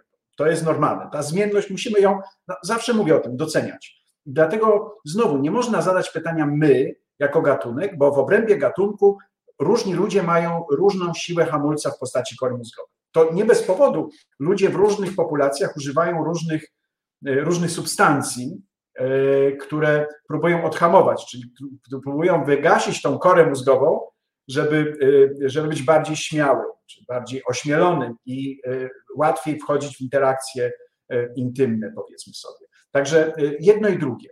I ja bym powiedział tak, są osoby, u których ten mechanizm pobudzenia fizjologicznego związany z całym układem hormonalnym jest bardzo silny, a zdolności kory mózgowej do hamowania się przed tymi reakcjami jest mniejszy. I wtedy dochodzi, no, może dojść nierzadko również do, do przestępstw seksualnych na przykład. I są osoby, których jest odwrotnie, które mają tak silny mechanizm hamujący, że, że, że no, prawie nie wchodzą w interakcje intymne z innymi osobami. Więc y, znowu, nie wiem, czy, czy jesteś usatysfakcjonowany moją odpowiedzią, ale, ale na to się nie da odpowiedzieć w taki bezpośredni y, sposób. Y, czym, czym jesteśmy sterowani. Ale oczywiście, jeżeli mężczyzna nie miałby hormonów płciowych męskich, czyli androgenów, albo miałby bardzo, byłby hypogonadyczny, czyli miałby bardzo małą produkcję, no to pewnie jego animusz, można powiedzieć, czy, czy libido seksualne byłoby tak niskie, że nawet by nie poszukiwał partnerki albo nie dążył do kontaktów seksualnych, a zatem jego szanse na prokreacyjne byłyby bliskie zeru, czy bardzo niewielkie, prawda? Są tacy, którzy mają wysoki poziom libida i animuszu, ale z jakichś powodów nie są akceptowani przez płeć przeciwną, bo mają takie cechy, które nie są akceptowane przez większość płci przeciwnej i też niestety nie mają szansy E, czy mają niewielką szansę na przekazanie swoich genów w następnym pokoleniu. Także no, e, krótko odpowiadając na to pytanie tym razem. No dobrze, a jaka jest, powiem, zapytam tak, jaka jest rola satysfakcji seksualnej w utrzymaniu związku? To, to była ta część pytania, której, którą zadałeś jeszcze przed, przed przerwą, przed piosenką. E, więc oczywiście jest bardzo duża Czyli innymi słowy, jeżeli e, dochodzi do relacji seksualnej i ona jest e, e, no, bardzo, bardzo emocjonalnie pozytywna, czyli związana jest z bardzo pozytywnym obudzeniem emocjonalnym czy fizjologicznym, no to oczywiście prawdopodobieństwo, że osoby będą dążyć do takiej do interakcji w przyszłości będzie większe. Ale tu chciałem zwrócić uwagę, bo ty mówisz o początku. Oczywiście może być tak, że ta namiętność pojawia się bardzo szybko i od razu dochodzi do do szybkich kontaktów intymnych, ale może być też tak, że ta szczę poziom szczęśliwości, którą nazywasz, no, o której wspomniałeś, mhm. on przychodzi z czasem. Bo okazuje się na przykład, zresztą świetnie znasz Platona, więc co Platon mówi o miłości? Że najpierw to jest zupełnie coś innego niż uważa się, e, czy mówi się e, metaforycznie o, o, miłości platon, platonicznej. To jest kompletna bzdura, bo, bo Platon widział miłość najpierw poprzez miłość fizyczną, i dopiero potem wchodziło się na ten wyższy, ezoteryczny niejaki poziom miłości duchowej. I okazuje się, że dzisiaj badania biologiczne pokazują, że Platon miał rację, e, chociaż nie wiedział, na czym polega mechanizm neurochemiczny czy neurobiologiczny. A nie mają racji ci e, średniowieczni filozofowie, powiedzmy sobie, czy, czy, czy różne odłamy religijne, które sprowadziły miłość do, do tej drugiej części. I, I to utrwaliło się w potocznym rozumieniu, że miłość platoniczna to miłość niefizyczna, czy bezdotykowa, czy nie, nie, nieseksualna. Więc na czym to polega? Polega na tym, że jeżeli relacje seksualne są udane dla kobiety, jeżeli one sprawiają jej przyjemność, jeżeli ona ma orgazm, dosłownie to ujmując, to zwiększa się poziom oksytocyny w jej mózgu. Jak zwiększa się poziom oksytocyny, to ona, ten poziom oksytocyny, który działa nie tylko jako hormon działający na, na mięśniówkę macicy w czasie porodu, ale ma wiele receptorów mózgu, powoduje, powoduje, że ona silnie uzależnia się od tego partnera, czyli silniej, tak jak z dzieckiem, zaczyna go silniej e, no, lubić wręcz e, potem kochać. I to jest element, który cementuje taki związek. Czyli miłość, czyli seksualne zachowania, czy kontakty seksualne, jeżeli są udane, to one mogą być elementem cementującym relacje, albo wręcz powodującym, że nagle zaczyna się pojawiać coś, co, y, co ludzie nazywają no, zakochaniem, chociaż na początku jego nie było. Więc y, na to trzeba patrzeć w ten sposób. Co ciekawe, u mężczyzn niekoniecznie będzie to działać w taki sam sposób, no bo z powodów, z, z, z punktu widzenia ewolucyjnego, nie zawsze dla mężczyzn było adaptatywne, można powiedzieć, przywiązywanie się w silny sposób do jednej partnerki bo wtedy ograniczał sobie możliwości seksualne, bo badania pokazują, że kobieta bez względu na to, czy ma jednego partnera, czy wielu, w zasadzie ma szansę pozostawić tyle samo potomków. Ale mężczyzna może, jak ma kilka partnerek, pozostawić więcej potomków niż ma jedno. I to jest, nie dotyczy tylko homo sapiens, to dotyczy też innych taksonów. Także tu y, y, odnosząc się do tego pytania o szczęśliwość i o udany związek seksualny, to może się pojawić od razu, może się pojawić pewnym, po pewnym, pewnym momencie. Natomiast jeżeli chodzi o szczęście jako takie, coś co nazywamy happiness, powiedzmy anglicy, czy, czy well-being, to badania pokazują, że jednak w dużym procencie to, czy jesteśmy w życiu szczęśliwi, już abstrahuję od tej sfery seksualnej, zależy od naszych genów. Badania wskazują, że współczynnik odziczalności to jest na poziomie około 40 średnio procent, a niektórzy badacze pokazują, że nawet 80, jeżeli się bada tą stałą komponentę poczucia szczęścia. No bo od czego szczęście zależy? Czy zależy od pieniędzy, czy zależy od wykształcenia, czy zależy od płci, od religii? Jeżeli to w niewielkim procencie, szacuje się gdzieś po 2%. Natomiast dominującym elementem są nasze geny. Dlaczego? Dlatego, że szczęście zależy od tego, jak wygląda chemia naszego mózgu. Jaki jest poziom określonych neurotransmiterów, jaki jest poziom receptorów, jaki jest poziom enzymów, które rozkładają niektóre neurotransmitery, takie jak serotonina czy dopamina w naszym mózgu. I dlatego bez względu na to, czy ktoś jest profesorem uczelni, czy ktoś jest prezydentem, czy ktoś pełni role, e, no wiem, no bardzo podstawowe, czy wykonuje pracę fizyczną, nie możemy powiedzieć, że, e, że prawdopodobieństwa bycia szczęśliwym jest różne dla tych osób. Ale dobra wiadomość dla ciebie, e, dla ciebie to na pewno wszystkie są dobre, ale też dla potencjalnych słuchaczy jest takie, że badania wskazują, że dwie trzecie ludzi na tej planecie jest szczęśliwych. Czyli znowu, w pewnym sensie procesy ewolucyjne niejako zadbały, chociaż one, no, znowu, nie upodmiotawiamy tych procesów, spowodowały niejako te procesy, że jednak e, więcej ludzi ma taki, takie geny i takie funkcjonowanie mózgu, które, które powoduje, że czują się szczęśliwi. Zresztą wyobraź sobie, gdyby większość ludzi czuła się nieszczęśliwa, to mielibyśmy dużo więcej samobójstw, dużo więcej depresji, dużo więcej byłoby e, problemów i szansa na ten optymizm i, i chęć podejmowania ryzyka w kontekście również reprodukcyjnym byłaby dużo mniejsza. To bardzo ciekawe, to znaczy mm, generalnie ludzie, tak wielu ludzi się dobrze czuje i określa się jako szczęśliwych, że można już podejrzewać, że z tą jedną trzecią mogłoby być coś nie tak. Jest taka pokusa, żeby zmedykalizować tą jedną trzecią i uznać za cierpiącą z powodu jakiegoś zaburzenia, które być może jest korygowalne, prawda? To bardzo ciekawy punkt widzenia, bo te 30% około to jest jednocześnie jakiś taki odsetek ludzi, których się szacowany odsetek ludzi, którzy mają jakieś problemy osobowościowe bądź zaburzenia. Wiesz co, ja się z Tobą zgadzam, że często dzisiaj medycy na to tak patrzą. Natomiast znowu biolodzy ewolucyjni mówią o tak zwanej strategii ewolucyjnie stabilnej. Czyli ta strategia ewolucyjna stabilna polega na tym, że różne, e, różne e, etogramy, czyli mechanizmy, strategie zachowań jest w pewnej proporcji są preferowane. Czyli dam Ci prosty przykład. Jeżeli masz same jaszczębie, to i spotkanie między jaszczębiami jest takie, że one no, walczą ze sobą, jeden ginie, i, i, i y, no, to, no to, to nie jest y, dla populacji generalnie, to spowoduje, że będzie makabrycznie. Jeżeli masz same gołębie, które nie walczą, no gołębie są też okrutnymi y, ptakami, tak nawiasem, ale powiedzmy mają jakąś taką symbolikę, to tak jak sowa, która przecież maluśki mózg jest mało inteligentna, ale dlatego, że tak inaczej wygląda, zrobiono z niej symbol mądrości, co lepszym symbolem mądrości byłby pewnie kruk, czy jakiś e, właśnie z tej, z tej rodziny krukowatych. Więc e, jeżeli masz same gołębie, to jeżeli się pojawia ten to on zdominuje, on wszystkie gołębie zniszczy. W związku z tym okazuje się, że jest pewna proporcja właśnie na przykład jeden do dwóch, czy 3 do 1, która jest najbardziej stabilna ewolucyjnie, bo nagle ci się opłaca być jaszczębiem, jak są same gołębie, ale nie opłaca ci się być jaszczębiem, jak są same jaszczębie, które ze sobą walczą, a nie walczą z gołębiami. Coś w tym stylu. I tutaj masz ten sam przykład. Ja, tak jak ty, trochę się boję, że zbyt często medycy, tak jak zbyt często prawnicy konstruują nam naszą rzeczywistość, w szczególności w Stanach Zjednoczonych. Tak samo medycy zaczynają konstruować rzeczywistość w taki sposób, że, e, ale to nie tylko medycy, to też e, przemysł farmaceutyczny, obawiam się, że, że zwiększa się liczba jednostek, a z punktu widzenia medycyny ewolucyjnej, bo trochę zabrnęliśmy w tym kierunku, wcale to nie są jednostki chorobowe, czyli to jest jakaś forma adaptacji. Bo jeżeli wyobraź sobie, jeżeli wszystko to, co robisz, kończy się fiaskiem albo przegraną, to jaka jest najlepsza strategia? No nic nie robić. Czyli siedzieć i być w stanie, powiedzmy sobie, depresji do momentu, kiedy po jakimś czasie może coś, otoczenie się zmieni, będzie bardziej przychylne i nagle Twoje działania przynoszą dodatnie, dodatnie efekty.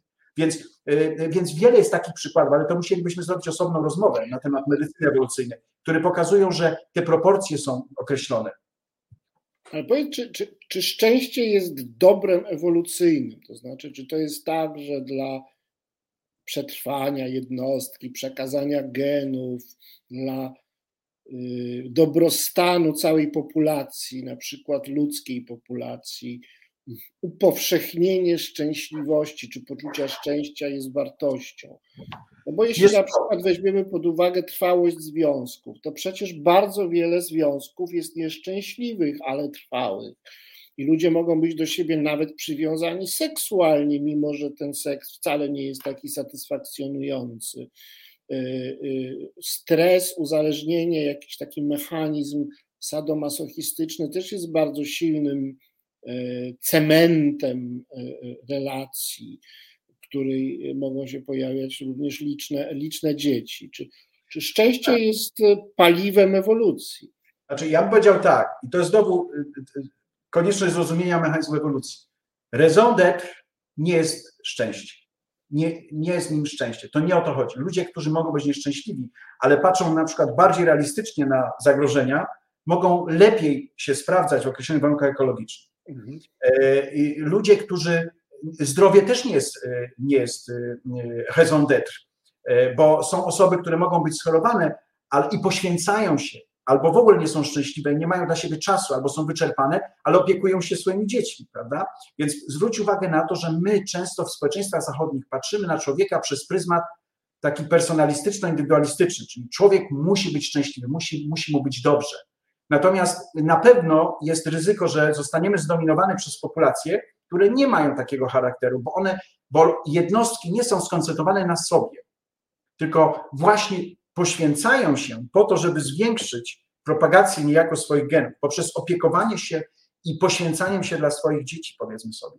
Więc i w przyszłości proporcje genów mogą się zmienić, więc w tym sensie nie. Ale rozumiem, w tym sensie, w którym ty pytasz, to skoro dwie trzecie, znowu, dwie trzecie ludzi na planecie szczęśliwych, to prawdopodobnie, przynajmniej w ostatniej przyszłości naszej historycznej, powiedzmy sobie, e, okresie trwania ludzkości, e, ta strategia e, była celniejsza, ja bym powiedział. Czyli innymi słowy, wtedy, kiedy nie ma strasznie dużo zagrożeń, może lepiej być optymistą, ale jeżeli zagrożenie jest z każdej strony jest niebezpiecznie, to lepiej może być pesymistą i czuć cały czas zagrożenie, bo możliwe, że twoje reakcje, czy reakcje takiej osoby będą bardziej adekwatne czy szybsze na zagrożenia i taka osoba może przetrwać. I nieważne, że ona się cały czas stresuje albo jest nieszczęśliwa, ale przeżyje. Czyli ja cały czas pokazuję, że te warunki środowiska będą warunkować, która ze strategii z ewolucyjnego punktu widzenia lepiej się będzie sprawdzać. To tak jak z różnymi urządzeniami. Masz urządzenie, które świetnie działa, e, jak jest sucho, ale beznadziejnie, jak jest mokre. Masz urządzenie, które świetnie działa, jak jest w wodzie pracuje, ale nie będzie pracować albo niestety spali się, jak będzie w suchym. I teraz to jest dlatego tak skomplikowane. Dlatego ludzie nie czują procesu ewolucji. Starają się po pierwsze ją jakby tak traktować liniowo, po drugie upodmatawiają, po trzecie traktują jakiś mechanizm, jakiś czynnik presji selekcyjnej, jakby on był stały w czasie. Nie jest stały w czasie. Dlatego zwróciłem Ci uwagę na tą metaforę, ten korek, który jest różnymi falami rzucany w prawo albo w lewo.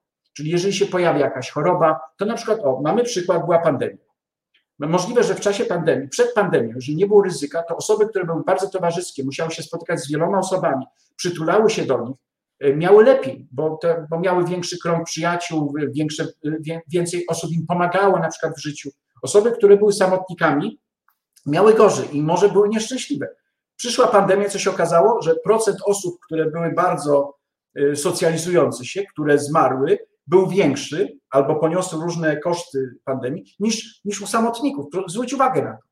Jak nie ma pandemii, nagle zupełnie inna cecha staje się, staje się adaptatywna w danym momencie. Więc, więc to jest naprawdę bardzo złożony mechanizm, który trzeba rozumieć i jego plastyczność trzeba rozumieć.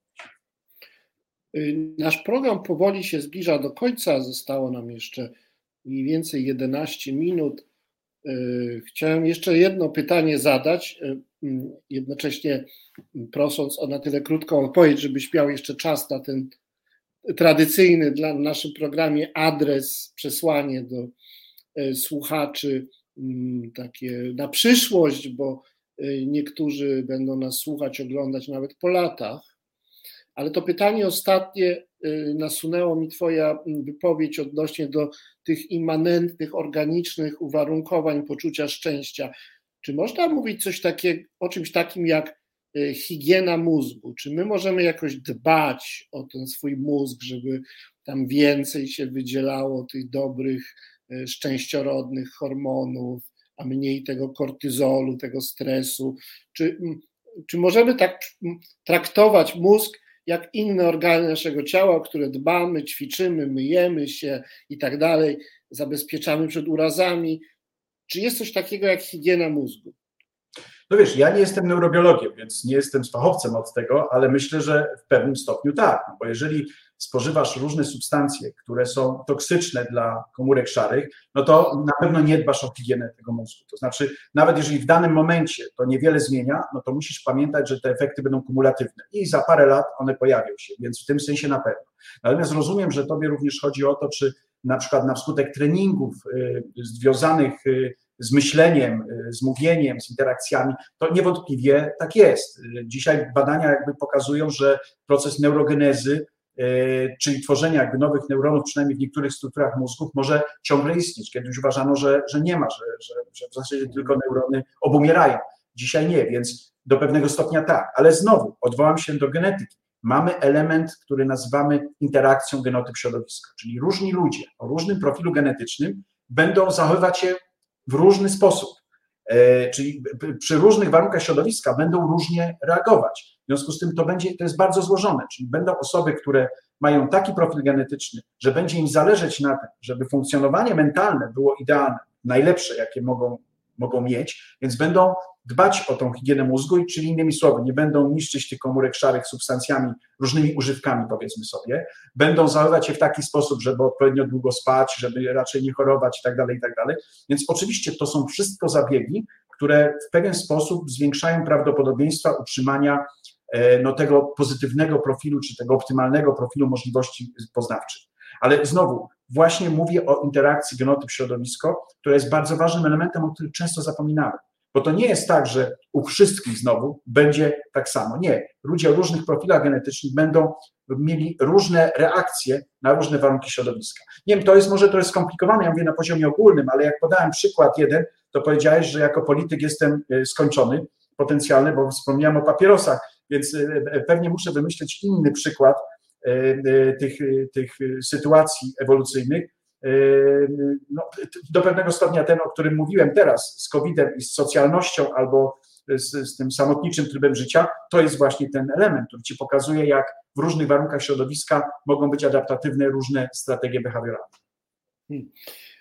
No więc teraz przyszedł czas, żeby profesor Pawłowski, będący no, psychologiem ewolucyjnym, antropologiem, a więc mający taką bardzo uniwersalną, nawet nie historyczną, tylko właśnie gatunkową perspektywę na człowieczeństwo, yy, no, zwrócił się do nas jakąś generalną mądrością swojej dyscypliny i swojej nauki.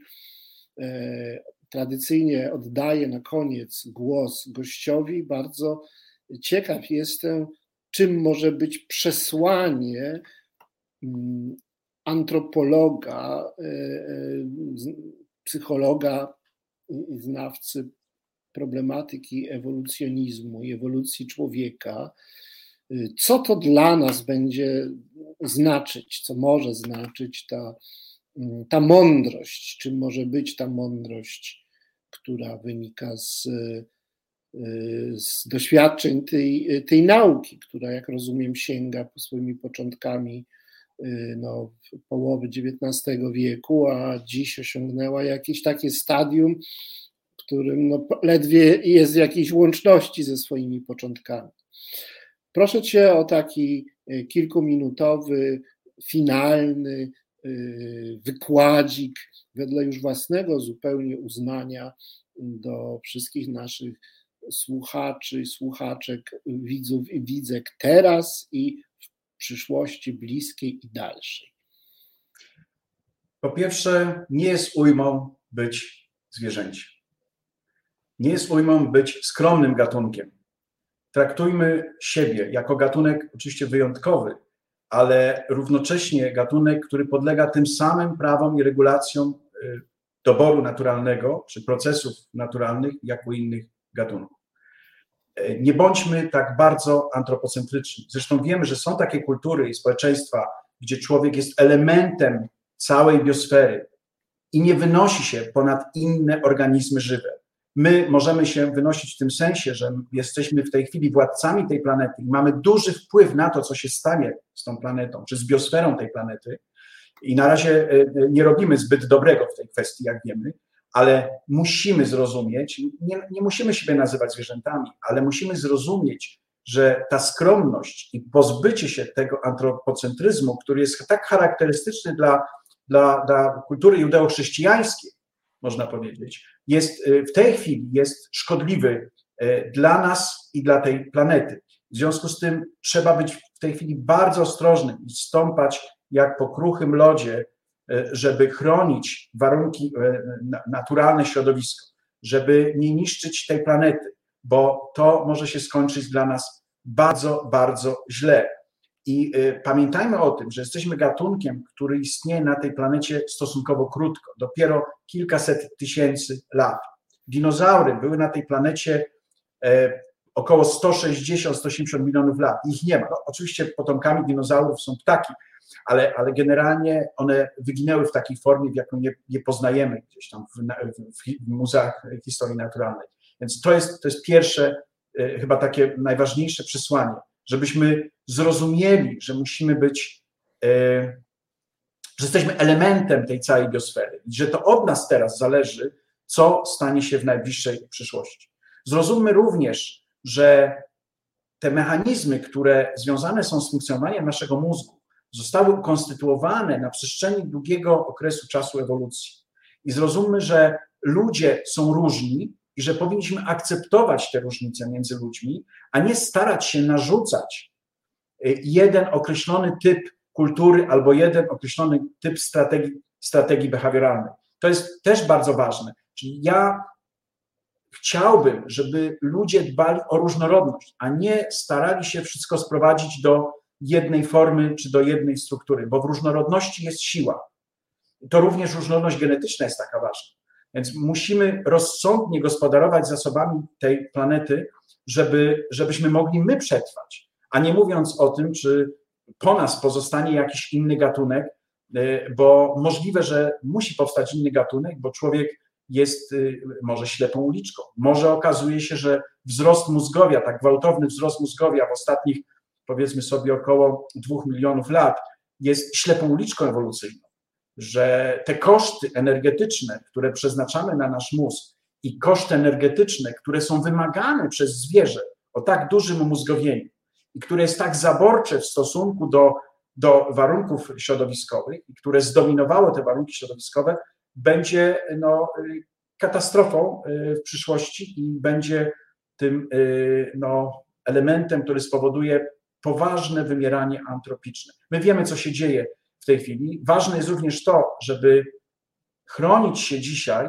przed pseudonaukowymi albo antynaukowymi koncepcjami, które oparte są głównie na ludzkich emocjach, które są oparte na pewnych e, no, spiskowych teoriach i nie darzą zaufaniem tych, którzy naprawdę starają się zrozumieć i pomóc człowiekowi de facto i tej biosferze przetrwać. Niestety to, co się dzieje dzisiaj w mediach społecznościowych, to, co się dzieje z powodu internetu, spowodowało straszne wzburzenie, jeżeli chodzi o te proporcje informacji, które docierają do przeciętnego człowieka, który oczywiście nie musi się znać na wszystkich rzeczach, ale dobrze, żeby darzyć zaufaniem tych badaczy, tych naukowców, którzy pokazują, czy każą, czy pokazują drogę, w tym sensie pokazują niebezpieczeństwa, które na nas czekają. I to jest chyba dzisiaj ważne, czyli żeby, żebyśmy byli bardzo czulni, ostrożni, nie chcieli dawać się wmanipulowywać w różne punkty widzenia, które są, y, mogą być oczywiście korzystne dla pojedynczej jednostki, ale w krótkoterminowym okresie. Pamiętajmy, że my dziedziczymy tą planetę od naszych dzieci. Na, dziedziczymy od naszych dzieci, a nie, że odziedziczyliśmy ją od naszych rodziców czy naszych dziadków i możemy robić z nią to, co nam się żywnie podoba. Czyli Homo sapiens, więcej skromności, mniej pychy, mniej arogancji i więcej prób zrozumienia i dociekania do prawdy właśnie metodami naukowymi, bo dzięki metodom naukowym możemy się komunikować w taki sposób, dzięki metodom naukowym ludzie żyją tak długo, niemowlęta, noworodki przeżywają, nie głodujemy, czyli dlaczego w niektórych kwestiach metody naukowe my akceptujemy, a w innych jakichś abstrakcyjnych, które są ważne z punktu widzenia ideologicznego, ich nie akceptujemy. Ja tego po prostu nie rozumiem. Chciałbym mocno, ale jeżeli ktoś używa wszystkich narzędzi i przeżywa z punktu z powodu metod, metod naukowych, które umożliwiły konstrukcję różnych e, aparatów, różnych urządzeń czy różnych sposobów komunikacji, to ja nie jestem w stanie zrozumieć, dlaczego ta sama osoba, korzystając z tych wszystkich dobrodziejstw, myśli, która powstała w oparciu o metody naukowe, nie chce wierzyć e, e, tym metodom w innych aspektach, które mają związane są bardziej z, z aspektami emocjonalności na przykład, czy, czy różnych innych kwestii natury społecznej. To chyba tyle, żeby nie przedłużać. Dziękuję pięknie. Drodzy Państwo, bardzo dziękuję. Był z nami, ostrzegał nas pan profesor Bogusław Pawłowski z Uniwersytetu Wrocławskiego, biolog, biolog ewolucyjny, psycholog ewolucji. Serdecznie dziękuję za poświęcony nam, nam czas. Bardzo dziękuję Państwu za uwagę i mam nadzieję do zobaczenia kolejnym programie. Również gorąco pozdrawiam i życzę ciekawych następnych takich e, e, odcinków. Zapraszam.